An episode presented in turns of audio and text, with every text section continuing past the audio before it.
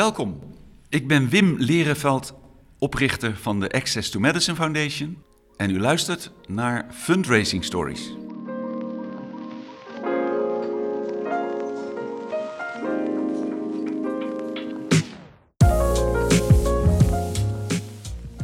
Hallo, dit is Fundraising Stories, een podcast van het vakblad Fondsenwerving.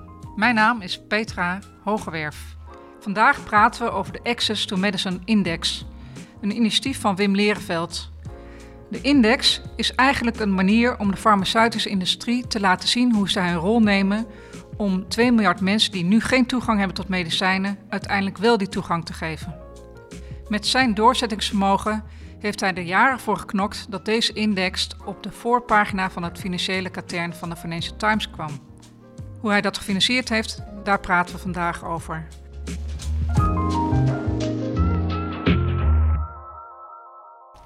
Goed.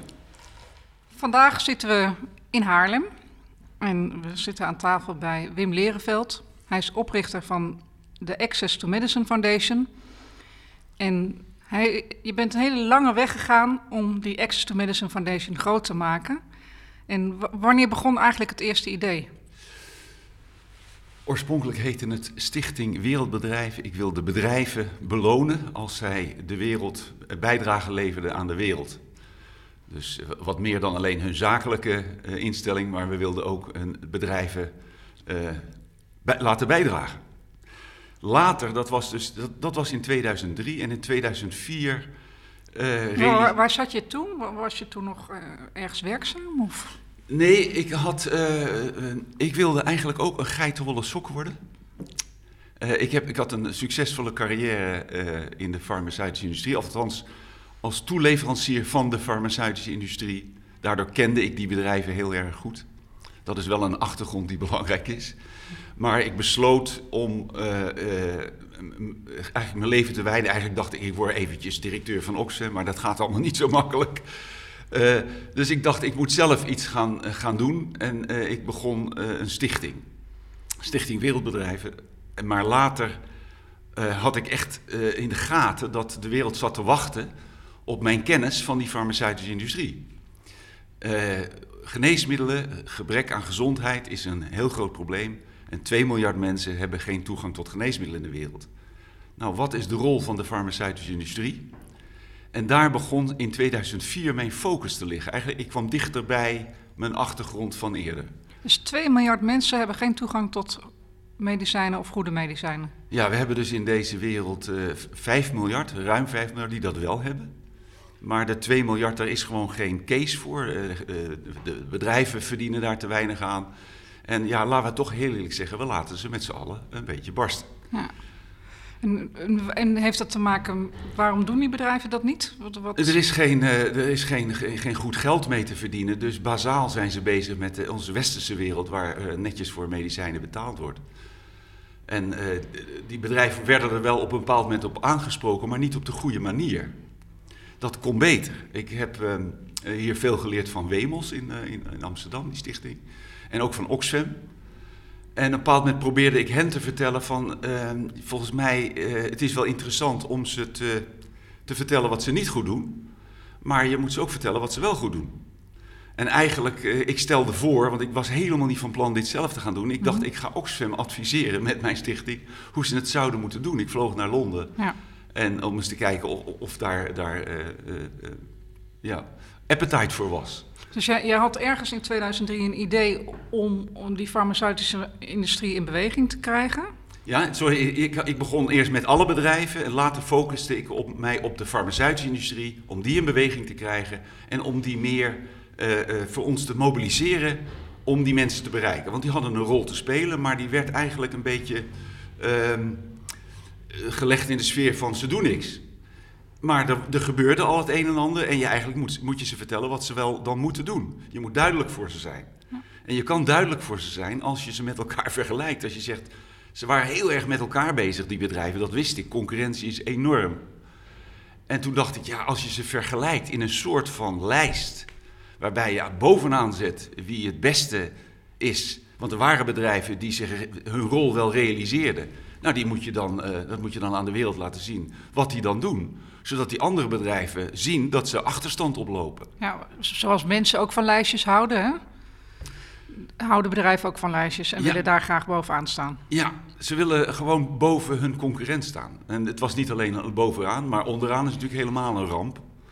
En die bedrijven vonden dat ook doodeng, dat idee. En ik, eh, eh, ik heb ook in het begin heel veel eh, tegenstand gehad. Maar- Alleen al voor het idee. We gaan even terug naar, naar eh, want jij wilde eigenlijk dit idee onderbrengen dus bij of een WMOS of een Oxfam Novib. Die, die waren niet geïnteresseerd? Of? Nou, ze vonden het interessant, maar het kwam er gewoon niet van. Zij, ik merkte op een bepaald moment, dat gaat het niet worden.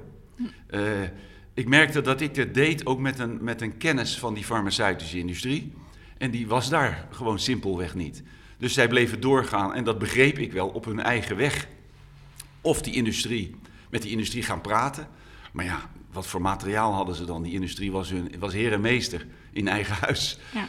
Dus dat, dat lukte niet. Of ze die industrie afkammen.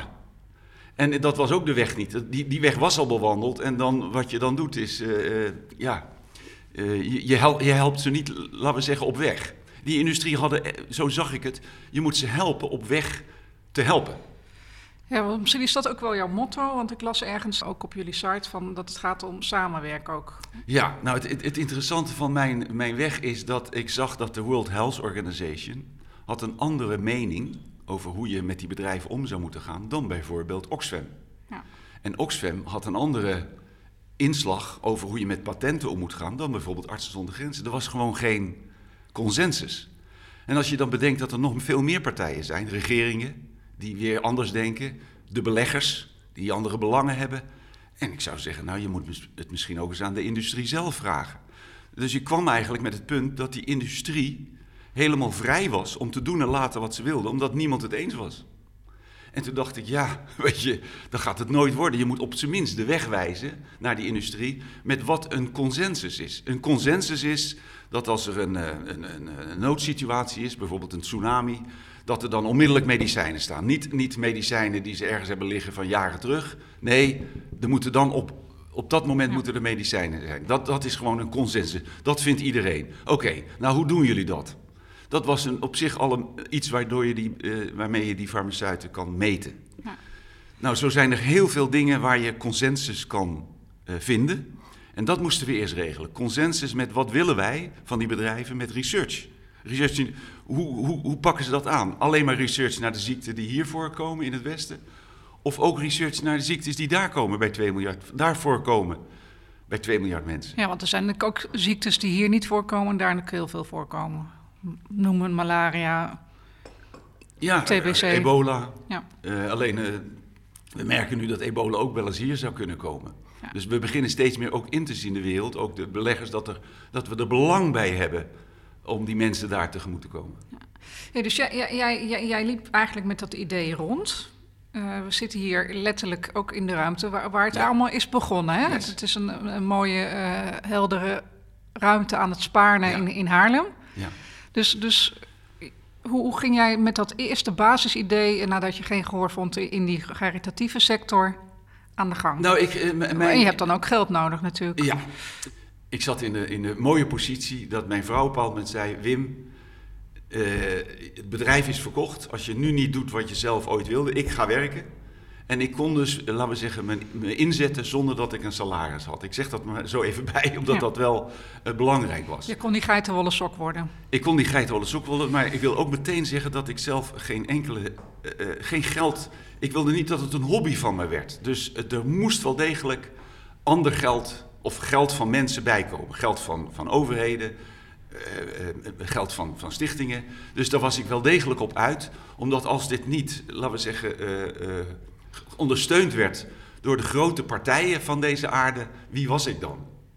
Dan was ik een man met een hobby. Nou, dat wilde ik niet. Waarom wil je dat niet? Wat, wat zegt dat over jou? Eh, ja, dan tel ik toch niet mee. Ik, ik wilde ook wel meetellen in de wereld. Misschien zegt dat iets over mij. Ik wilde eh, gewoon aan tafel. Ik wilde ook aan tafel met de farmaceuten en aan tafel met de WHO. Ik wilde die brugfunctie, die wilde ik wel graag. Ja, Ja. dat zegt wel iets over mij. Ja, zeker. Ja. Ja. Dan komen we aan het eind van het gesprek daarop uit of dat wel of niet gelukt is. Dus jij, jij, jij had dat idee, je, je vrouw gaf jou de ruimte om, om aan de Daar de tijd gaan. aan te besteden. Elke, elke week, elke eh, dag, elke Ja. En dat idee was een, een index te maken waarin dus de farmaceutische bedrijven als een soort uh, ranking, de stars, maar dan in de farmaceutische industrie, werden neergezet welke het best deden voor het verschrikken van medicijnen aan de armere landen in de wereld. Ja, en hoe ze met hun prijzen omgaan en of ze eh, in staat zijn om daar in bepaalde landen andere prijzen te hanteren uh, als dit. En daar was heel veel kennis in de wereld, ook bij Oxfam, ook trouwens bij Wemels hier, over wat je eigenlijk van die farmaceuten zou willen. Dus, dus wat je moest doen is dan te vergelijken, dat vond ik, die farmaceuten met elkaar, uh, zodat ze van elkaar kunnen leren. Want ze hebben alles, zijn ze, zijn elke dag bezig met elkaar. Elke, en dat wist ik, dat, dat concurrentie... Uh, mechanisme, dat was, is in die bedrijfstak, dat is trouwens in elke bedrijfstak hetzelfde. Dat is ook bij banken en dat is ook bij de oliebedrijven. Ze kijken naar elkaar. Dus als je een lijst produceert en die zet je eigenlijk in de Financial Times, dat was eigenlijk mijn goal. Uh, met uh, het gegeven van, hé, hey, dat bedrijf is beter dan het andere. Ik dacht, dan heb je de poppen aan het dansen. En, en wat noemen ze wat elementen? Want ik, ik las, het gaat over R&D of prijsbeleid, licenties. Wat, zijn er meer criteria waar je dan die selectie op maakt? Ja, of een bedrijf als totaal, of zij uh, hun beleid gedelegeerd hebben naar een lager bureau ergens. Of dat bijvoorbeeld de, de baas zelf, de CEO, is hij daar, wat heeft hij daarvoor gedacht over? Dat wilden we weten. En als je weet dat de CEO wel degelijk daar gedachten over heeft, hij is daar geweest in die landen. Hij heeft KPI's, dus Key Performance Indicators. Hij, heeft gewoon, hij weet wat hij moet meten. Dus dat ze zichzelf ook uh, uh, onder de loep nemen, waar sta ik zelf als bedrijf? Dat kan je allemaal meten door te vragen en door door te vragen. Niet alleen vragen, want dan krijg je een antwoord.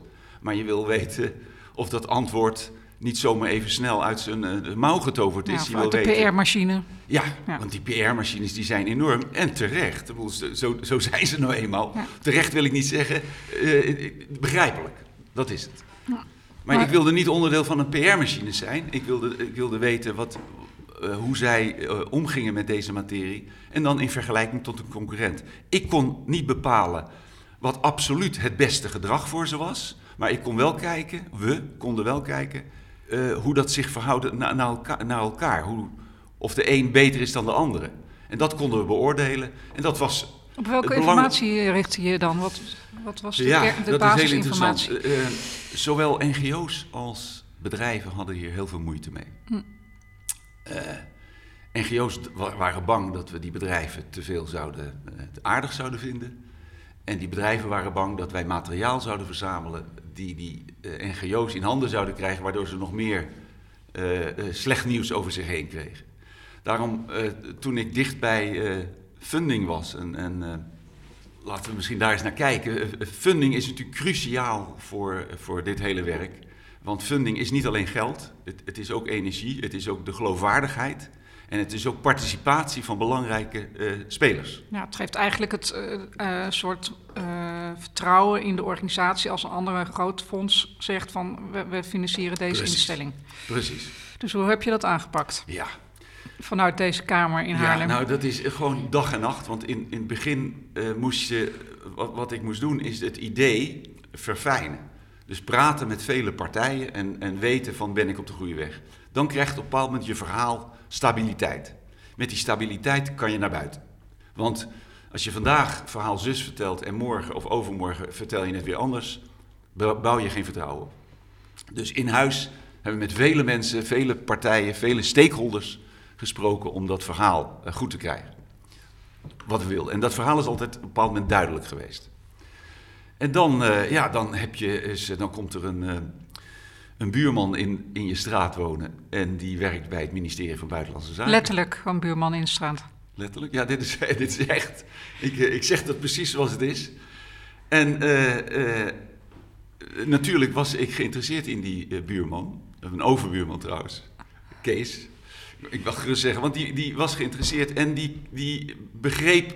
Want dan had ik wat tijd om uit te leggen wat ik eigenlijk deed. En die begreep dat ook dat, uh, die kon de link maken van ja, waarom het ministerie van Buitenlandse Zaken er moeite mee had en wat ik wilde. Dus hij heeft die brugfunctie vervuld. Want je had al meerdere keren aangeklopt bij het ministerie?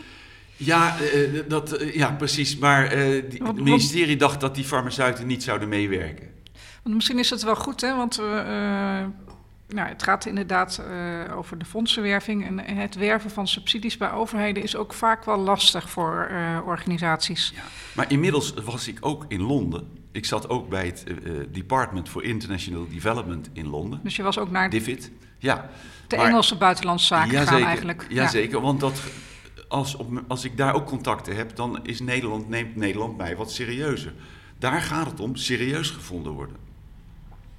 Serieus gevonden worden. Dus natuurlijk had ik van beide partijen geen funding, maar beide partijen hoorden dat ze, uh, dat ze in gesprek waren met mij. Dus daar word ik iets belangrijker van, want daar gaat het om. Het is een idee, die index was een idee wat nooit eerder gebeurd was, wat niemand wilde. En ik was daar maar aan het, aan het trekken. Dus ja, ja. En dat idee was nog niet bedacht bij de, bij de overheid. Nergens. En dan wordt het dus eigenlijk lastig om daar een subsidie voor binnen nee, te halen. En er zijn allerlei redenen om het niet te, te uh, funden. Om dit niet te. Uh, om geen geld te Allerlei redenen. Heel Zoals? veel. En op zich al nou, een reden is: die bedrijven gaan gewoon niet meedoen. Die doen het ook niet. En, en dat, dat was gedeeltelijk ook waar. Uiteindelijk hebben we ze wel meegekregen. Maar nooit, dat was niet vanaf het eerste moment. Ja. En die bedrijven gaan die data niet geven. Klopt, die bedrijven die. die, die die vergaderden hierover en die zeiden dat gaan we nooit doen. Dus ja, eh, er waren allerlei redenen om niet met mij in zee te gaan. Maar eh, laten we zeggen, als ik een jaar, weer, na een jaar later weer terugkom met hetzelfde idee en ik ben weer op bepaald moment, dan, dan wordt het toch lastig uh, voor de andere partijen om steeds maar nee te blijven zeggen. Maar daarmee maak je het ook eigenlijk tot een soort uh, schaakspel. Want de, de, je probeert meerdere partijen in beweging te brengen, hoor ik in je verhaal. Ja, nou, totdat er één keertje ja. de eerste mee gaat doen. Ja, nou, dat is, het is wel degelijk een schaakspel. En ik voel me met deze opmerking beloond. Dit is een schaakspel. Want bijvoorbeeld. Uh, ik wilde eerst NGO's meekrijgen. En op dat moment, in die tijd, ik, ik sprak veel met mensen van Oxfam Novib hier. En op een bepaald moment zeiden die toe dat ze wat geld hiervoor beschikbaar zouden. Nou, dat was een, een enorme overwinning. En dat heeft dan nog een half jaar geduurd. Het hele proces heeft vijf jaar geduurd. Hè. 2003 begonnen, 2008 de eerste index in de Financial Times. Uh, vijf jaar. Maar in die tussentijd kwam inderdaad het ministerie van Buitenlandse Zaken uh, erachter dat misschien DFID wel eens eerder zou kunnen zijn. De Engelsen die zouden wel eens eerder uh, geld. En dat zou toch wel jammer zijn, maar die Engelsen wachten ook op de Nederlanders. Want wie ben ik in Londen als ik zeg ik ga een Access to Medicine Index maken? Die komt in de Financial Times. Wisten we niks, allemaal niet zeker. Uh, en ik wil dat de Engelse ministerie van Buitenlandse Zaken meedoet. Eerste vraag is, en hoe zit het met Nederland? Nee, die doen niet mee. Ja, sorry, dat gaat niet. Dus dat is het punt, je moet Nederland meekrijgen. Ik moest dus al die partijen meekrijgen. Uh, maar regelde jij dan zeg maar in dat schaakspel dat Engeland een telefoontje deed naar Nederland? Want ik neem aan dat die ambtenaren onderling ook wel contact hebben. Ja, de, uh, precies heb ik het niet geweten hoe dat precies werkt. Maar ik had natuurlijk wel contacten in Nederland. En dat is op zich een, een heel verhaal hoe dat allemaal gegaan is. Uh, uiteindelijk heeft uh, Kathleen Ferrier, CDA-Kamerlid, uh, heeft vragen gesteld in de Tweede Kamer uh, aan Bert Koenders. Bert Koenders komt daarna binnen bij het ministerie van Buitenlandse Zaken. Wat is dat, die Access to Medicine Index? Waarom weet ik daar niet van? En op een bepaald moment zeiden dan mensen bij het ministerie van... ja, Bert, dat, dat heb ik heb ik, eerder, ik heb jou dat eerder verteld. Dat is die kerel in Haarlem. Nou, zo is dat dan gegaan. Uiteindelijk kreeg ik Nederland mee en durfde Engeland ook die stap te wagen. En wat, wie er nou precies eerder was, dat weet ik niet. En wat heeft die case, die man uit jouw straat, daarin betekend? Uh, ik had inmiddels uh, funding van Oxfam, HIVOS, ICO, Cordate. De, groot, de, grote vier toen nog, hè, in de ontwikkelingssector. Ja. Dat, dat, dat, is ook een heel proces geweest. Dat, laten we zeggen, als, als, we nog eens een paar uur hebben, dan kan ik er nog eens wat over vertellen. Maar feit is, als eenmaal er één over de dam is, een schaap over de dam, dan durft de ander ook. En zo ging dat een beetje. Ja. Oxfam, Novib was de belangrijkste. En daarna ging het verder. Ja, dat is ook mijn ervaring met, met grote fondswervende projecten. Dat eigenlijk het, het, de eerste binnenkrijgen het allermoeilijkste is. En dat het ook belangrijk is wie dat dan is. Hè? Dus Oxfam was van die vier volgens mij ook de grootste. Ja. Dus het was denk ik ook, ook verstandig dat je daar als eerste naartoe bent gegaan. Precies. In de tussentijd, misschien laat ik eens een hele grote stap maken. Ik merkte op een bepaald moment dat ik iets in mijn handen had. Ik merkte van, dit is een interessant project. Als dit, en mensen zeiden ook bij de WHO, de World Health Organization, als dit lukt, ik denk niet dat het lukt, maar als dit lukt, dan heb je wel degelijk wat in handen. Het was zelfs zo, ik kreeg een seintje uit Londen van uh, Sophia Tickle, uh, de chair van Sustainability. Die zei, Wim, ik heb bezoek gehad van iemand van de Gates Foundation. En die vertelde mij over een, een idee wat zij hadden en dat lijkt heel erg op jouw idee. Ik heb ook jouw naam genoemd, maar jij bent alleen veel verder hiermee. Zal ik dat contact leggen? Dus ik kreeg contact met de Gates Foundation. Nou, toen kreeg je mij niet meer stil. Ik dacht, als ik die binnenhaal, dan ben ik er. Ja. Dan ben ik er. welk jaar zitten we nu ongeveer? Ja, dan zitten we 2006 à 7. Ja. 2007. Dus, je, dus eh, om het nog even voor. Eh, je had eerst Oxfam en daarna de andere drie ontwikkelings, yes. Nederlandse ontwikkelingssamenwerkingsorganisaties aan je zij. Um, vervolgens die twee ministeries was je aan het activeren. Yes, klopt. Ja. En toen kwam Bill Gates uh, in beeld. Daartussendoor kwam nog Bill dat... Gates Foundation. Ja, sorry, daartussendoor kwam nog dat, dat SNS Reaal, een bank... Uh, uh, mensen die ik goed kende bij de bank mij te hulp schoten.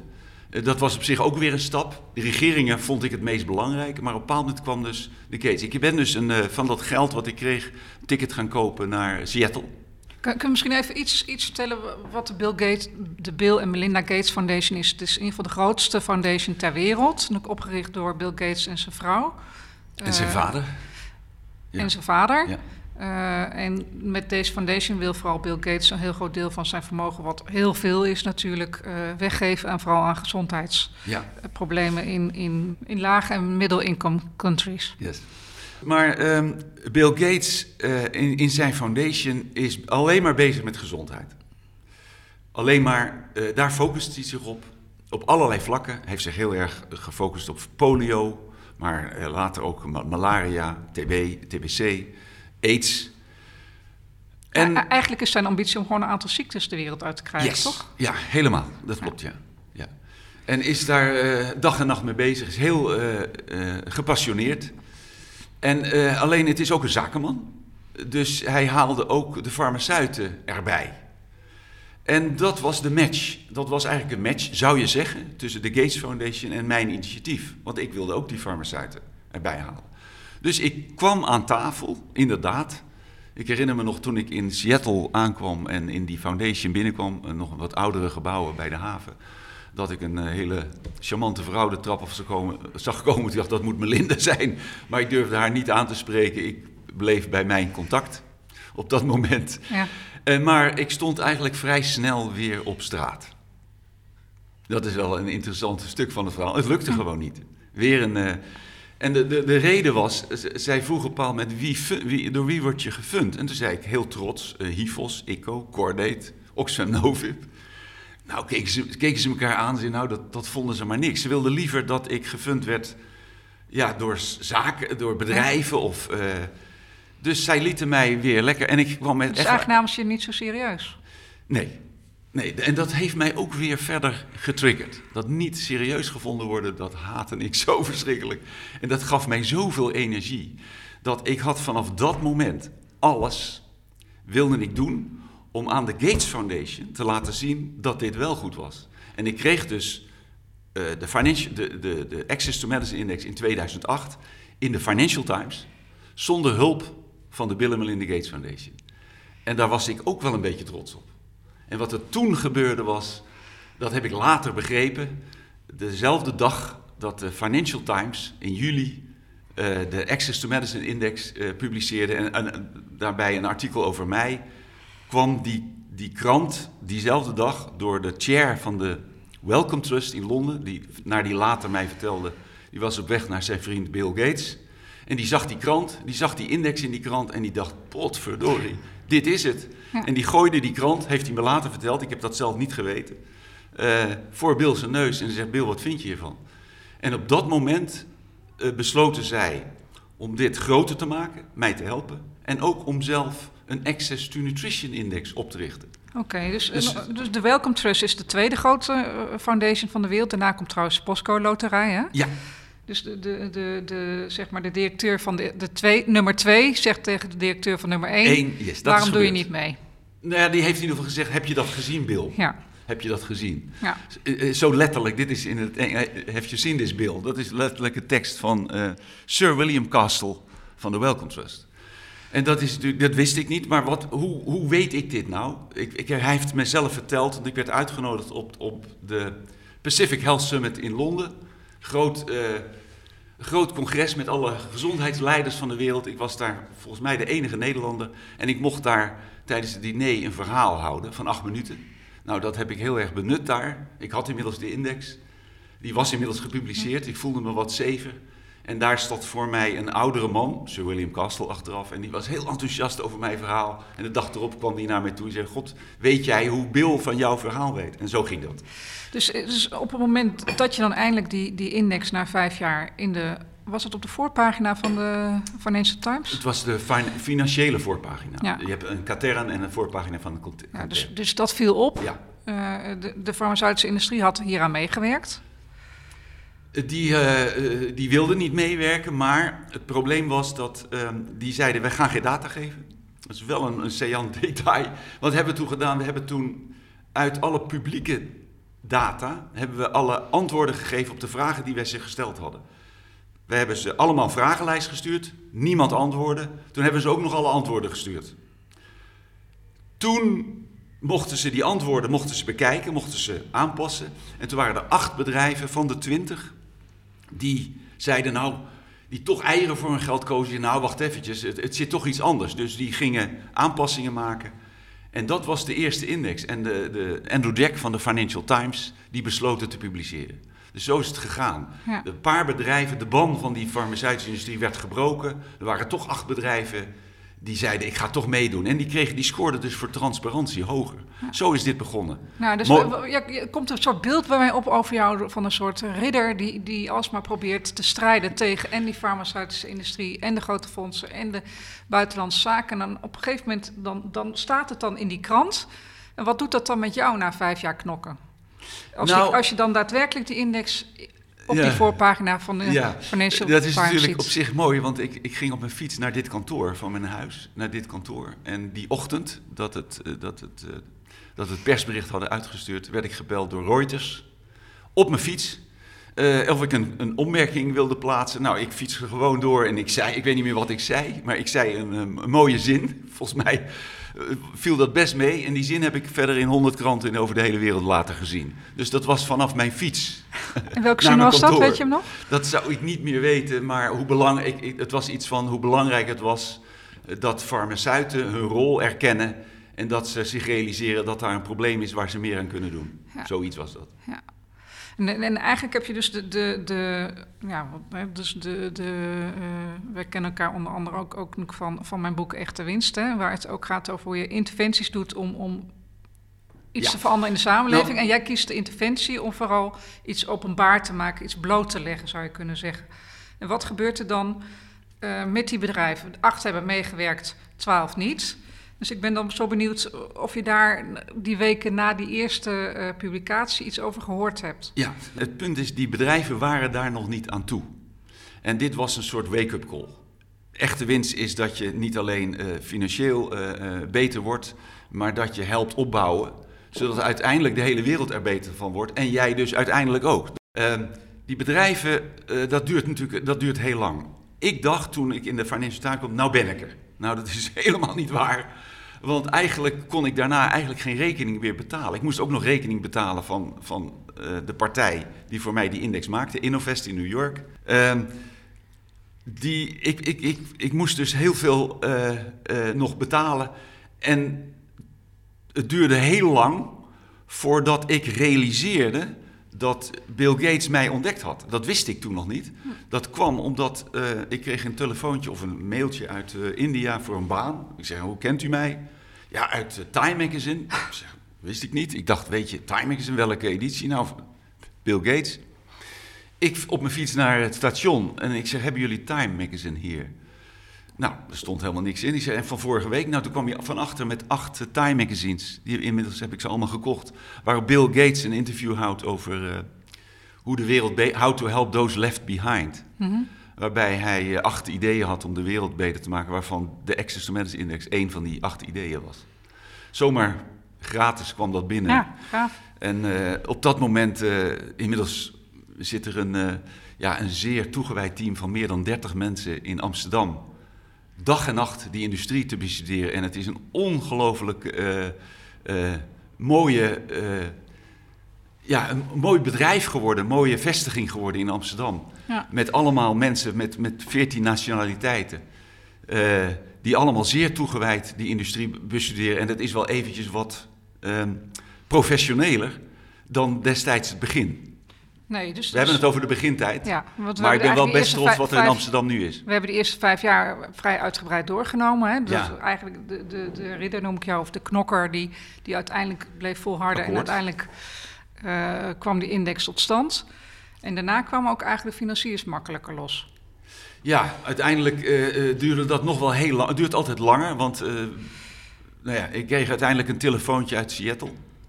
Dat was toen ik het alweer een beetje aan het, toen ik eigenlijk een beetje aan het opgeven was, kwam er een telefoontje van eh, hoeveel geld ik nodig had. Dat was natuurlijk een, dat is een ongelooflijk telefoontje. Ja, Eh, Wat een jongensdroom. Dat was een jongensdroom. Een telefoontje uit Seattle. Ik was toen op vakantie, ik dacht in Spanje.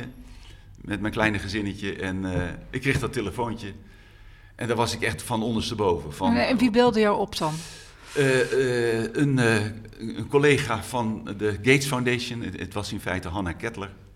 Eh, ik wil die naam best noemen. Ja? Eh, die eh, belde van, ja, het is hier gewoon heel goed gevallen, de Access to Medicine Index.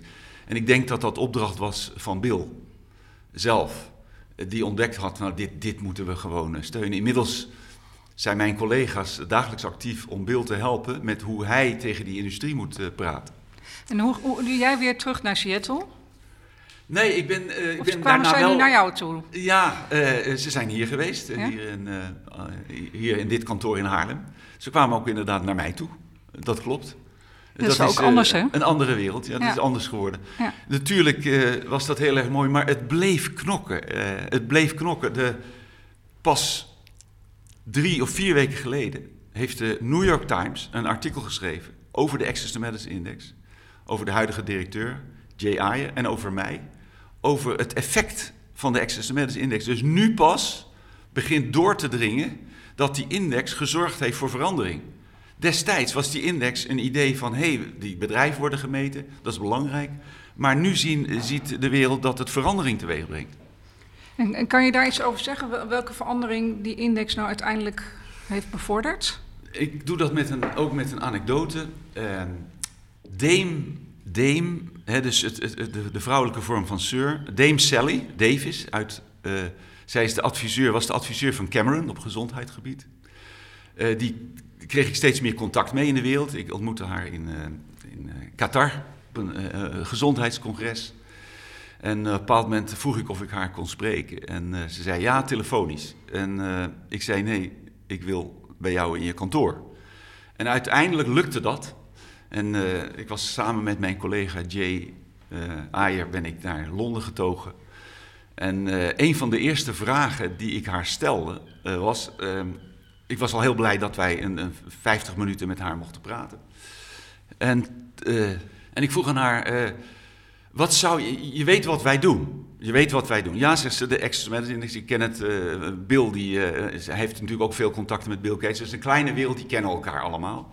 Dus zij kende de Access to Medicine Index. Nou, ik zeg, wat zou jij nou willen van die farmaceutische industrie? Wat wil, je, weet, je weet dat wij dat kunnen krijgen. Dat weet je. Wat zou jij willen? En toen zei ze, eh, toen dachten ze een tijdje na. En toen zei ze, eh, ja, ik weet wat ik wil. En toen zei ze, ja, antimicrobial resistance, dus de weerstand tegen antibiotica, is een heel groot probleem in de wereld en daar zijn we heel erg mee bezig. Die farmaceuten spelen daar een hele belangrijke rol. Maken ze nieuw- nieuwe medicijnen? Wat doen ze met hun situatie van de medicijnen die er nu zijn? Zijn ze daar voorzichtig mee? Al dat soort dingen wil ik wel van die farmaceuten weten. Ik zeg, nou, dat kunnen wij voor elkaar boksen door ze daarop te raten. Want je weet dat dat kan. En sindsdien is DFID, het is ook in de House of Commons geweest, die waren trots dat zij de antimicrobial resistance benchmark steunden. En dat was voor de komende vijf jaar funding van het uh, Britse ministerie voor Buitenlandse Zaken. Ja, dat is een mooi verhaal. Ja, zeker. Maar ja. zo is dat gegaan. En dat, dan praat je meteen ook over grote getallen. Niet die, die, die, die 20.000 van, de eerste, van het eerste moment, ja. maar dat zijn uh, dan meteen miljoenen. Ja, en dat is ook structureel geld waarmee je een organisatie geld. verder kunt bouwen in, in zijn volgende stap. Ja. Ja. En, hoe, hoe, hoe ziet de financiering van de Access to Medicine Foundation er op dit moment uit? Nou, dat is uh, ministerie voor Buitenlandse Zaken, standaard, doen inmiddels. Engelse ministerie voor Buitenlandse Zaken, standaard. Bill Melinda Gates Foundation, standaard. En dan, dan zullen... Daarbij, en daarbij komt ook nog het ministerie van Volksgezondheid hier in, uh, in Den Haag ook. Dus en dat zijn, die, die partijen brengen allemaal genoeg geld bij elkaar. Ook daar is de postcode loterij ook nog een, een, heeft nog een, een rol gespeeld, een belangrijke rol gespeeld. Dus ja, de grote fondsen van deze wereld uh, steunen nu de Access to Index. En daar is uh, niet echt discussie over of dat zinvol, zinvol is, dat is duidelijk. Dus het, het standaard eigenlijk... worden is natuurlijk wel echt top. Sorry? Het, het, dat het standaard wordt opgenomen in, in het beleid, ja, kennelijk. Dat is top. Ja, daar ben ik ook best trots op. Ja. Ik bedoel, als je dat ziet, hoe dat begonnen is en hoe, uh, hoe lang dat ook geduurd heeft. Want nu komen er allemaal nieuwe indexen en die ontstaan zo binnen een jaar. Maar mij heeft het vijf jaar gekost. Met elke week denken van, uh, ik moet hiermee ophouden, want dit gaat gewoon niet lukken. Want ja. zo werkt het. Hè. Je, je, bent jaren bezig en na twee jaar denk je... Uh, als ik nu stop, is dat een beslist een goed moment. Maar kan ik dan nog wel in de spiegel kijken? Wie ben ik dan? Dan, dan heb ik eigenlijk gefaald. En dan heb ik zoveel mensen in beweging gebracht en is het niet gelukt. En dat kon ik me niet permitteren. Ik kon me dat niet permitteren. Dat is wel ook een belangrijk uh, moment om te zeggen: nee, ik moest door. Want anders kon ik, kon ik niet goed in de spiegel kijken. En hoe lang was je, denk ik, was je doorgegaan? Stel dat het na kan, vijf jaar nog steeds niet gelukt was. Ik kan het niet zeggen. Ik kan het niet zeggen. Maar dan zijn er inmiddels genoeg mensen die heb ik overtuigd van het nut van deze mogelijke index. En ik denk dat hij dus hoe dan ook was gekomen. Waarom? Uh, er was inmiddels een beweging ingezet. En als hij niet in 2008, dan was hij wel in 2009 gekomen. Er waren genoeg mensen om me heen. En ook die mij, in mij geloofden. En dat is een proces van vijf jaar geweest. Ja. Want in het begin, wie ben ik? Wie ben ik? Ja, Wim Lerenveld uit Haarlem dus. Ja, dat Haarlem was ook al, niet, uh, was ook al te klein. ja, oké. Okay. Misschien is het wel leuk om nog even in te gaan op die postcode-loterij. Want het uh, aanvragen bij de postcode-loterij, daar zijn ook heel veel mensen mee bezig. Uh, ja. Ik heb zelf ook voor een opdrachtgever net een aanvraag uh, geschreven. dus ik weet uit eigen ervaring hoeveel werk dat is. En ook, ook daar gaat het natuurlijk ook, ook vooral over overtuigingskracht. Kan, kan jij vanuit jouw ervaring zeggen hoe, hoe dat bij jullie is gegaan? Um, ja, de, de, is inderdaad een, weer een aparte uh, entiteit. En ook daar geldt uh, dat je. Uh, ja, je, je, mag dan wel de Gates Foundation achter je hebben en ook ministeries, maar, maar de postcode moet je zelf toch weer overtuigen. Nou, nou wist ik van, zo gaat het. mijn moeder, ze leeft niet meer, maar die zei altijd: Wim, als je wil praten, moet je met de baas praten dat gaf ze mij altijd mee. En ik weet dat, dat zeg ik nu tegen mijn zoon. Als die ergens, je moet met de baas, voor de baas werken. En zo wist ik dat ik moest Boudewijn, Boudewijn Poelman te pakken krijgen. En daar heb ik alles op ingezet om hem te pakken te krijgen. En aangezien ik toch een goed verhaal heb, uh, lukt het mij op een bepaald congres om hem uh, te zorgen dat hij zijn thee wat minder snel opdronk. Uh, en het lukte mij hem te pakken te krijgen. En daarna rolde het verder. En daarna ben je heb bewust ik naar dat congres gegaan? Ja, alleen Jij wist hem. dat hij daar was? Ja, ja. ja, dat soort dingen deed ik. Ja. Je zit hier in een, uh, in een pand, uh, het appartement hierboven. Uh, ik, dat was mijn bezit. En ik heb dat verkocht aan iemand van Divit. Ik had een keuze op een bepaald moment voor, tussen meerdere partijen. Maar toen ik hoorde dat iemand bij Divit werkte, toen dacht ik, die moet ik hebben. Alles in het teken van fondsenwerving, alles in het teken van dat doel. Die index in de Financial Times krijgen. Ja, dus ja. Je, even, jij gaat naar dat congres. Je Sorry, ziet ja. daar Boudewijn Poelman staan. Je, je, Nou, dat, ik wist van tevoren uh, dat hij op de lijst stond van genodigden. Ja. Van, dat, dat wist ik. En, en heb je dan een soort pitch uh, geoefend van tevoren? Nou, Hoe werkt dat bij jou? Nou, dat, dat kan ik wel. Laten we zeggen, dat kan ik wel. Ik, kan, uh, ik, ben, niet, ik ben niet onhandig in het benaderen van mensen en ook uh, koud. Dus uh, gewoon hup op iemand afstappen. dus dat congres moest ik ook, wat je doet is, ik moest ook strategisch gaan zitten. Ik bedoel, ja, want als er een pauze is, dan moet ik onmiddellijk de eerste zijn. Want er zijn wel meer mensen die hem willen spreken. Dus je gaat strategisch zitten, ik ben alleen maar daarmee bezig. Ja, ja. En ik vond het ook ongelooflijk, het is een hele gepassioneerde man. Uh, dus uh, ik had meteen een klik. Ik, hij begreep mij. En wat ik wilde. En ik denk dat daar het zaadje geplant is, maar dat zijn collega's, uh, die ik dan later in Amsterdam sprak, dat ik alle vragen redelijk dat we die hebben kunnen beantwoorden. En op dat moment zit er ook inmiddels een team om mij heen, die wel degelijk ja, zeer goed van wanten weet en nog steeds hoe dat verder uh, te doen. Dus wat dat betreft, uh, wat hielp was, wat hielp was, dit even te zijn dat Bill Gates op een bepaald moment naar Nederland kwam. En dat, ik, uh, dat daar allemaal de Nederlandse scene zit daar van ontwikkelingssamenwerking in de zaal. Waaronder ik ook. Waaronder ook de mensen van de Postcode Loterij. En aangezien in die tijd Bill Gates in diverse locaties waar hij zat, Nieuw-Zeeland, Londen, New York, vaak eh, bij de Clinton Foundation, vaak sprak hij spontaan over de Access to Medicine Index. Dat was natuurlijk prachtig, maar hij vond dat zo'n mooi project. Dat hij, hij begon vaak over hoe je die farmaceutische industrie tot de orde kon roepen. En dat vond hij uh, mooi. En toen was ik in Den Haag, ik zat in de derde rij. Ik dacht, het zou toch wel mooi zijn als hij dat nu zou doen. En verdomd, hij deed het. Hij, hij begon uh, op een bepaald moment weer het voorbeeld te nemen van die farmaceutische industrie en hoe je die ja. Uh, ja, kon benaderen via die Access to Medicine Index. En hoe dat dan werkte. En daar zaten dan ook de mensen van de Postcode Loterij. En toen dacht ik, nou heb ik, nou heb ik toch een goede kant. Ja, dat is een heel mooi verhaal. Ja, ja. ja. Ja. Ik, ik, ik, zie nu alle luisteraars de volgende keer naar alle congressen gaan waar Boudewijn Poelman komt. maar dat zou ik ze niet aanraden. Nee. Uh, ik herinner mezelf ook wel dat ik een keer Bill Gates uh, ook op die manier heb aangesproken. Dat is lastig. Maar dat was heel lastig, want hij werd dan omringd door allemaal bodyguards. Maar ik liep toen zelf met de eigen idee uh, dat ik bij hem wilde lanceren. En toen kon ik toch in één minuut het zeggen. Oh ja, ja, ja. ja. Maar weet je, Boudewijn Poelman is wel even anders dan Bill Gates. Bill Gates heeft toch een beetje, uh, laten we zeggen, wat autistische uh, eigenschappen. Ja, dat, dat is niet uh, iemand die meteen zegt, wat gaaf idee, mevrouw Hogewerf, komt er maar nee, eens terug. Boudewijn Poelman is anders. Ja, die is natuurlijk veel ondernemender en, en geïnteresseerder in echt... Ja, nou, ondernemend is Bill wel, is Bill Gates wel, maar hij, hij heeft de ziekte van Asperger, dat is redelijk bekend. Ja.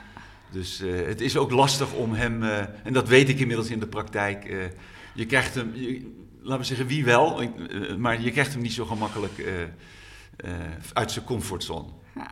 Ja. Je zit nog steeds hier in Haarlem, in, in, in dit mooie gebouwtje aan het Spaarne. waar staan we nu?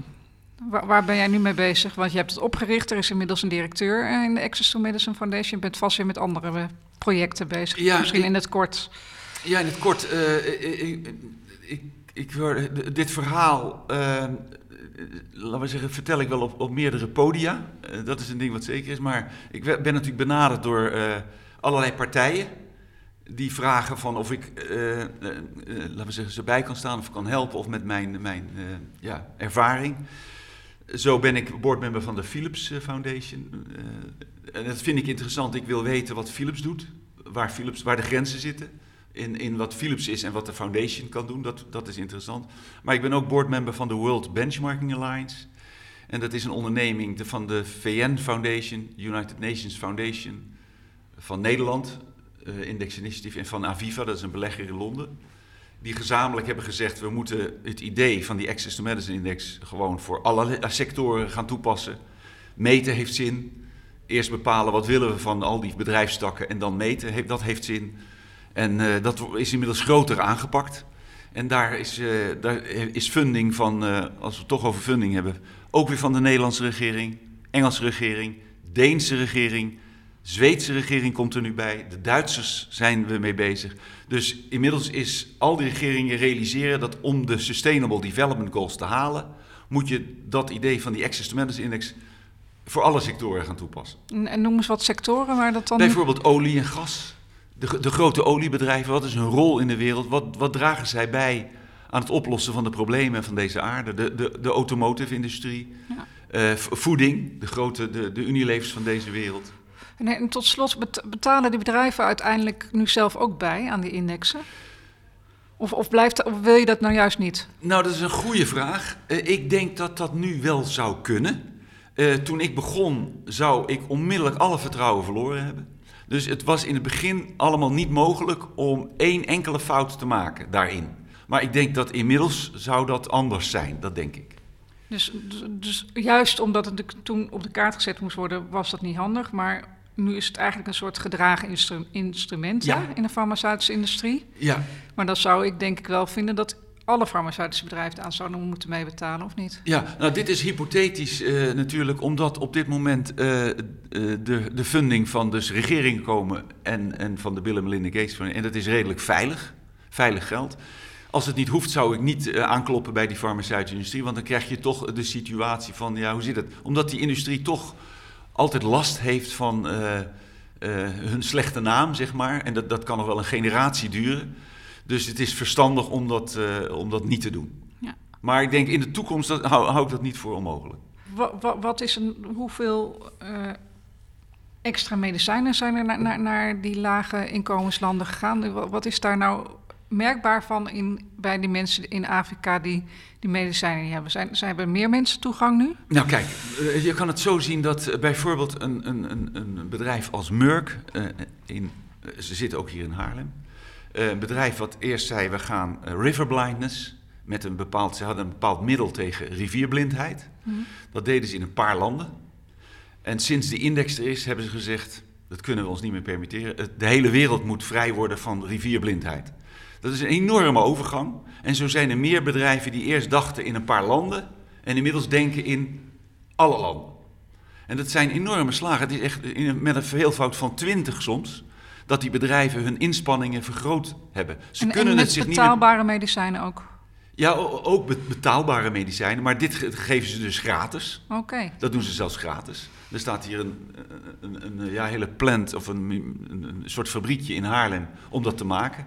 Daar, daar op zich is, ja, verdienen ze op zich niks aan. Eh, maar eh, hun belang is eh, dat ze laten zien aan de wereld, we nemen die verantwoordelijkheid omdat we dat middel nu eenmaal hebben.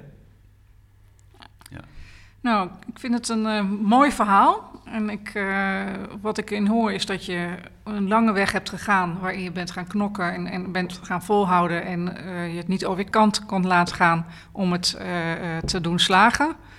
En wat ik ook van me- meeneem is dat het ook gaat om een schaakspel waarin je steeds spelers probeert te beïnvloeden. Zelfs de politiek natuurlijk hebt meegenomen met dat verhaal van Kathleen Ferrier. Eh, en uiteindelijk, toen het uiteindelijk in die Financial Times kwam, er een soort versnelling kwam in de financiering. Dankjewel. Ja. Dit was Wim Lerenveld met Access to Medicine Foundation.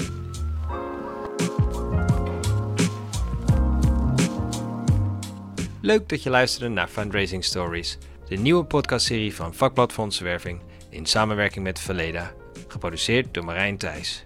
Over twee weken verschijnt er een nieuwe aflevering uit deze serie. Abonneer je via je favoriete podcast-app en je krijgt automatisch bericht wanneer de nieuwste aflevering online verschijnt. En vergeet niet 5 sterretjes te geven als je dit een inspirerende, interessante of leerzame podcast vindt.